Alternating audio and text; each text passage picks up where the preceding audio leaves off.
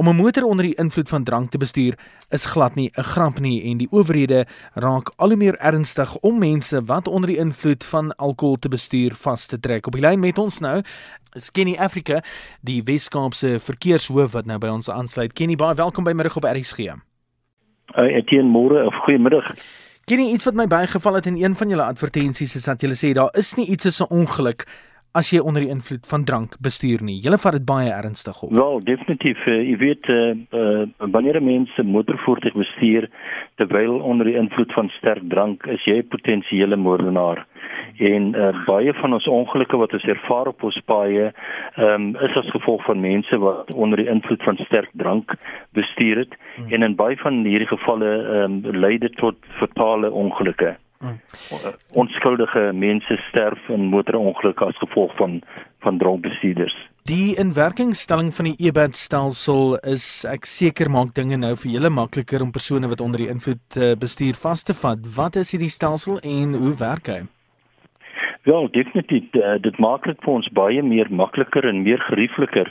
Uh, in die verlede as ons 'n persoon uh, vermoed het 'n persoon is onder invloed van sterk drank, dan uh, moes ons daardie persoon na 'n uh, hospitaal of na 'n uh, dokter neem uh, waar um, uh, sy bloed of haar bloed getrek moes word en daardie bloedmonster word dan verpak en uh, word weggestuur na die forensiese patoloog om uh, dan te bepaal um, of die persoon wel alkohol in sy uh, bloedstroom gehad het al dan nie. Hmm. En wat in die verlede gebeur het, uh, die ehm um, tydperk wat ons wag of gewag het vir daardie ehm um, uitslag om terug te kom, uh, was verskriklik lank geweest en uh, daar was 'n oponthoud geweest in hofsaake, ehm um, hofrolle was oorvol en omdat ons so lank gewag het vir die uitslae van hierdie uh, uh, uh bloed uh, monsters het dit vir ons uh, uh, baie moeilik gemaak.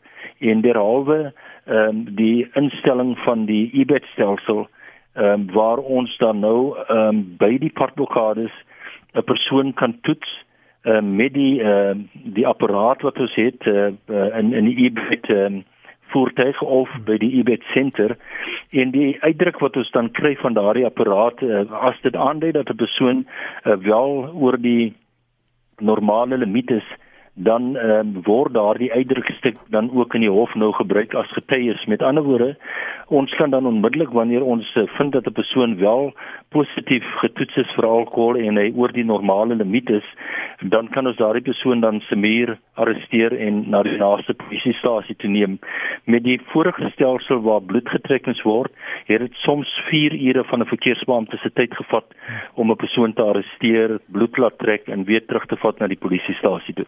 Kenny, wat kan gebeur met 'n persoon as hy of sy vasgetrek word en hulle is oor die wettige limiet? Wel, wanneer 'n persoon um, skuldig bevind word in 'n in 'n hof deurdat hy 'n voertuig bestuur het terwyl uh, onder die invloed van van van alkohol hmm. of dat hy 'n toelaatbare vlak uh, oorskry was, dan kan hy 'n boete opgelê word of uh, 'n uh, boete en tronkstraf of beide. Hmm. Is hierdie e-band stelsel is hy dan slegs in die Weskaap van toepassing of word dit ook elders gebruik? Wel, dit is nou al 'n geruime tyd in die Weskaap in werking en uh, dit word nou stelselmatig ook in die res van die land uh, um, uit uitgebrei. Ken jy 'n vraag wat baie opduik en ek is seker jy het dit ook al gehoor, is wanneer mense onder mekaar gesels by 'n partytjie byvoorbeeld en hulle vra maar wanneer is te veel te veel? Is een glasie wyn te veel? Is een bier te veel? Wel, ek wil eintlik so ver gaan om te sê as jy weet jy gaan 'n motorvoertuig bestuur, moet liefs nie drink nie. Hmm. Moenie eers dink aan een biertjie of een glasie wyn of een glasie brandewyn nie. Uh wanneer 'n mens alkohol in jou bloedstroom het, dan is jy beslis nie uh soos jy sal wees sonder dat jy alkohol gebruik gedrink het of, of wanneer jy sober is nie. Maar uh, dis moeilik om te sê uh, een glasie wyn of twee glasies brandewyn.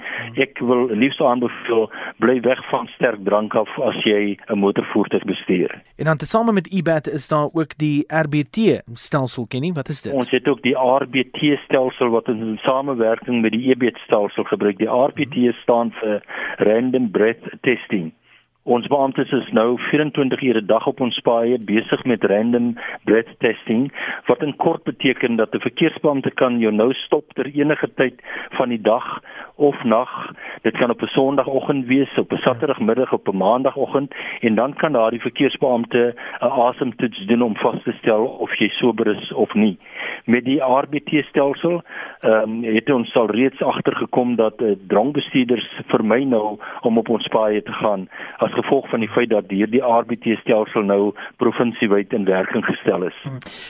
Ken jy met al hierdie stelsels wat dinge nou vir julle baie makliker maak, let julle op dat daar 'n verandering in die mense se gedrag is. Met ander woorde, gaan hulle na 'n kuierplek toe en kuier hulle minder of het hulle iemand wat hulle terug huis toe bestuur byvoorbeeld let julle dit op ja definitief dit het 'n uh, groot uitwerking op ons motoriste wat veral uh, jy weet na kuierplekke toe hmm. gaan restaurante toe gegaan en ons kom agter dat baie van ons motoriste maak uh, daagliks nou gebruik van Uber hmm. of openbare vervoer om uh, vanaf uh, hulle kuierplekke na hulle huise gery te word daar is nog steeds diegene wat kansse vat maar ons boodskap hier in die Weskaap is baie duidelik as jy drink en bestuur op ons paai in die Weskaap, dan sal ons jou arresteer en agter slot en grendel plaas.